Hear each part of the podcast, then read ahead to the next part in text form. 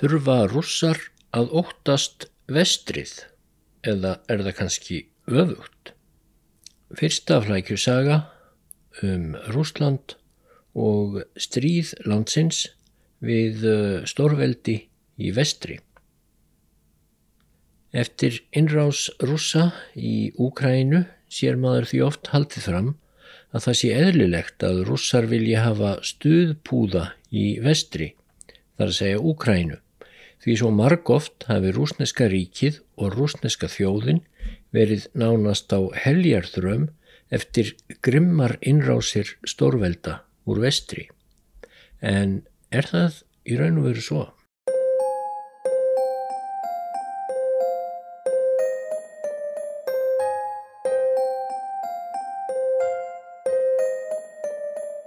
Einn helsta réttlæting rúsa og stuðningsmanna þeirra fyrir innrásin í Úkrænu er sem sé að það sé á sinnhátt eðlilegt að rússar vilji hafa borð fyrir báru í vestri því svo oft hafið þeir sætt ofsafengnum árásum þaðan.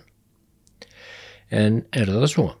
Hafa virkilega oft verið gerðar grimmilegar innrásir í Rúsland úr vestri sem hafa beinleginis ógnað tilveru rúsnesku þjóðarinnar eins og stuðningsmenn rúsa nú vilja hann vera láta. Gáum að því. Ef við lítum á Moskvu sem uppháfspunkt hins núverandi rúsaríkis þá fór ríkið að verða til á 13. öld. Þá höfðu mongólar eitt mörgum helstu borgum slafa eins og Kíef og Moskva var til að byrja með nánast leppríki mongóla og skattheimtumadur. Næstu aldrinnar ógs Moskva hins vegar smátt og smátt og fóru að hrista af sér óg mongóla eins og það var kallað. Moskvi prinsar tóku svo að færa út uh, kvíarnar upp á sín eigin bíti og náðu loks að Kaspíhafi á ofanverðri 16. öld eftir að hafa sigrað mongólaríkin Kasan og Astrakan á árunum 1552 til 56 og um leið hafðu rúsar lagt undir sig flæmi allt norður að Íshafi og voru byrjaðar að tegja sig langt austur í Sýberju. Þessi sókn rúsa var ekki alveg án mótspyrnu. Árið 1571 kom óvígur herr Tatara, sem voru bandamenn Mongóla, frá Krímskaga, þar sem Tatarar byggu.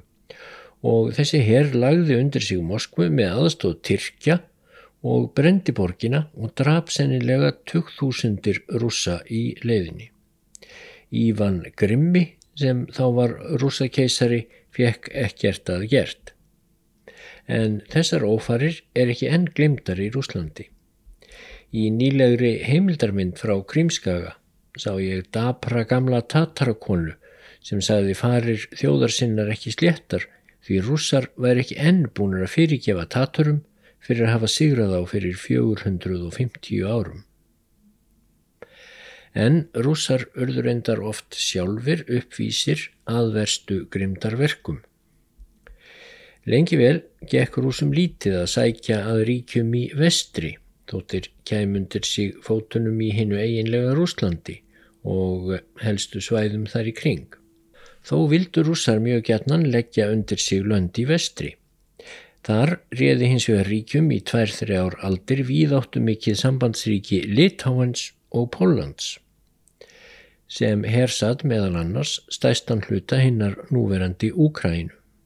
Á árunum 1610 til 12 þá sátu pólverjar í Moskvu eftir að Rúsland hafi ríðað næri til fals vegna innbyrðis átaka, hungursneiðar og fleiri hörmunga. En um síðir stóðu rússar af sér erfiðleikana og ráku pólverja af höndum sér. Þeir mun ekki enn búinir að fyrirgefa pólverjum frekar en krímtaturum. Nú fóru rússar smátt og smátt að eblast á ný undir fórustu keisara af Rómanov-ættinni. Það sem eftirlifði 17. aldar notuðu rússar aðalega til að brjóta undir sig lönd alltaf Kaukasus fjöllum í söðri og svo til að styrkja stöðu sína gagvar Tyrkjum sem höfðu sótt norður Balkanskagan og áttu eins og ég gatum digga bandamenn þar sem voru tatarar á Krímskaga. En næst telja rússar sig hafa verið í hættu stattir árið 1708 þegar Svíakongur af öllum mönnum gerði innrás í Rúsland og var það hluti af Norðurlanda áfriðinu mikla sem svo er kallaður. Það var flókið stríð þar sem mörg ríki tóku þátt en snýrist í grunninum að flestu öll veldi við Eistarasalt bundust samtökum um að knésétja svíja sem fóru mikinn þarum slóðir undir fórustu síns knáa herrkonungs Karls XII. Karl sigraði lengi vel flest alla anstæðinga sína en eftir stóðu þó russar undir fórustu Péturs Romanovs keisara síns sem var nýbúin að herrtaka sænskan virkisbæ við ósa fljótsins nefa og stofna þar rúsneska borg. Pétur keisari gaf henni verðandi borg nafnið Sankti Pétursborg eftir Pétri Postula en engum duldist þó að hún var í raun nefnd eftir honum sjálfum. Karl XII ákvað að leiða þessa nýju borg hjá sér en marsera með hersinn inn í hjarta Rúslands og taka Moskvu sjálfa til að kenna rúsum leksíu. Lengi vel hörfaði Pétur undan svíjum og skildi eftir sig þá sviðinu jörð sem rúsar beittu síðar bæði gegn Napoleon og Hitler en eftir harðasta vetur í 500 ár varð Karla leita hæli suður í Úkrænu þar sem hann vænti stuðnings frá gríðarstórum kósakkaher. Mun minna varður því en tilstóð, en aðstóð kósakka við sænska innrásarherin varð lengi síðan að viðkvæmu kíli í samskiptum rúsa við úkrænumenn. Þeir eru sem sagt langræknir rússar. Svo fór að lokum að nýr og öflugur herr Péturs rúsakeisara vann léttan sigur á svíjum við Poltava sem er 120 km vest-suð-vestur af Kharkiv í Úkrænu. Svo orðsta fór fram í júli 1709. Í kjálfarið var Svíþjóð úr sögunni sem stórveldi en Rúsland fór að gera sig æg meira gildandi og eh, til sannendamerkisum það hefur Pétur keisari æg síðan verið kallaður Pétur Mikli. Á átjánduöldinni luku rússar svo við að leggja undir sig Sýberíu. Þeir tóku Eistrasaltslöndin og bundust að lokum samtökum við stórveldi mið-Evrópu, Prúsland og Austuríki um að lima sundur hnignandi veldi Pólverja. Pólverjar vörðust af kappi yfir leitt en mátt ekki við margnum. Í aldarlokk var Póland gjörsamlega horfið af landakortinu og þóttu rússar ganga sérlega hart fram við að sparka fótum undan sínum gamla anstæðingi. Og um leið helt sókn rússa áfram í allar áttir. Árið 1774 hafðu herir Katrínar Miklu unnið duglega sigra á Tyrkjum og við friðarsamninga fengur rússar yfirráð yfir Krímskaga og tóku nú til við að hefna á sigursins tveimaldum fyrr. Þegar russar lögð undir síg Krímskaga 2014 þá sögðu stuðningsmenn þeirra gætnan að það væri ekki nema sangjant að russar ættu Krímskaga því þeir hefði í rauninni alltaf átt Krímskaga en þá höfðu þeir sem sagt ekki setið skagan nema 240 ár eða frá 1774. En hvað sem því líður nú var Rúsland ómótmælanlega komið í hóp helstu stórvelda Evrópu. Alexander, sonarsonur Katrínar Miklu, tók við sem keisari 1801 og hann þurfti að taka honum stóra sínum því nú reys á undra skömmum tíma nýtt og mikið afl í Evrópu. Það var Frakland Napoleons Bonaparte. Á fyrsta áratug 19. aldar var Napoleon ósigrandi með öllu og þessi antikristur, eins og hann er kallaður í upphafi skáldsögunar stríð og friður, hann knésetti hvert Evrópustórveldið og fætröðru nema Bretland sem var örugt úti í hafinu. Árið 1807 var rauðin komin að rúsum. Napoleon og menn hans ger siguruður rúsneska herin þar sem heitir Frídland nálagt Kaliningrad á mótum Litáens og Pólans og eh, þar sem Kaliningrad er enn undir rúsneskri stjórn en Alexander neittist eftir ósigurinn við eh, Frídland auðmjúkur til þess að semja frið við frakka við bæinn tilsitt þar í grend. Þar hittust þeir Alexander og Napoleon. Alexander lofaði að styðja Napoleon upp frá því en freystaði þess svo að hefna auðmíkingar sinnar með því að sækja af auknum krafti bæði suður yfir Kákassus og herja líka á Tyrki einaferðin enn. Og enn einn afleiðing samninga Alexanders og Napoleons var að russum var heimilað að ráðast inn í Finnland 1808. Finnland hafði þá lengi lotið stjórn Svíja sem voru andstæðingar Napoleons og frakkakeisari gerði engar aðtóð semtir við að herfóringjar Aleksandrs rúsakeisara breytu sænska herin í Finnlandi á bakaftur og tækju síðan þúsund vatnalandið í sína vörslu. En síðan fór bandalag Aleksandrs og Napoleons að kolna nokkuð hratt og sumarið 1812 var það endanlega úr sögunni og Alexander var meir og minna ofinberlega gengin til liðsvið bretta erki ofinni frakka. Napoleon ákvað þá að endur nýja bandalagi við rússa með herrvaldi. Hann held með gríðarlegan herr langt inn í Rúsland og náði allaveg til Moskvu í september 1812.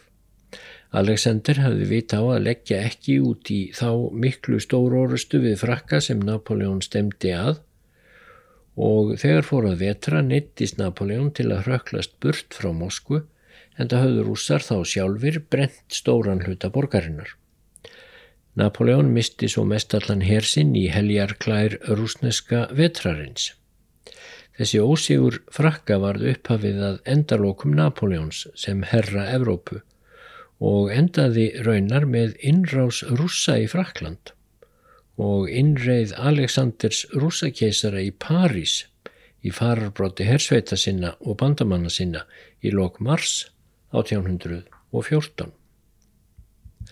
Sigurinn á Napoleon eldi mjög sjálfströst þjóðarvitund og stolt rúsa og þar í landi er innrásinn 1812 nefnd Föðurlandsstríðið.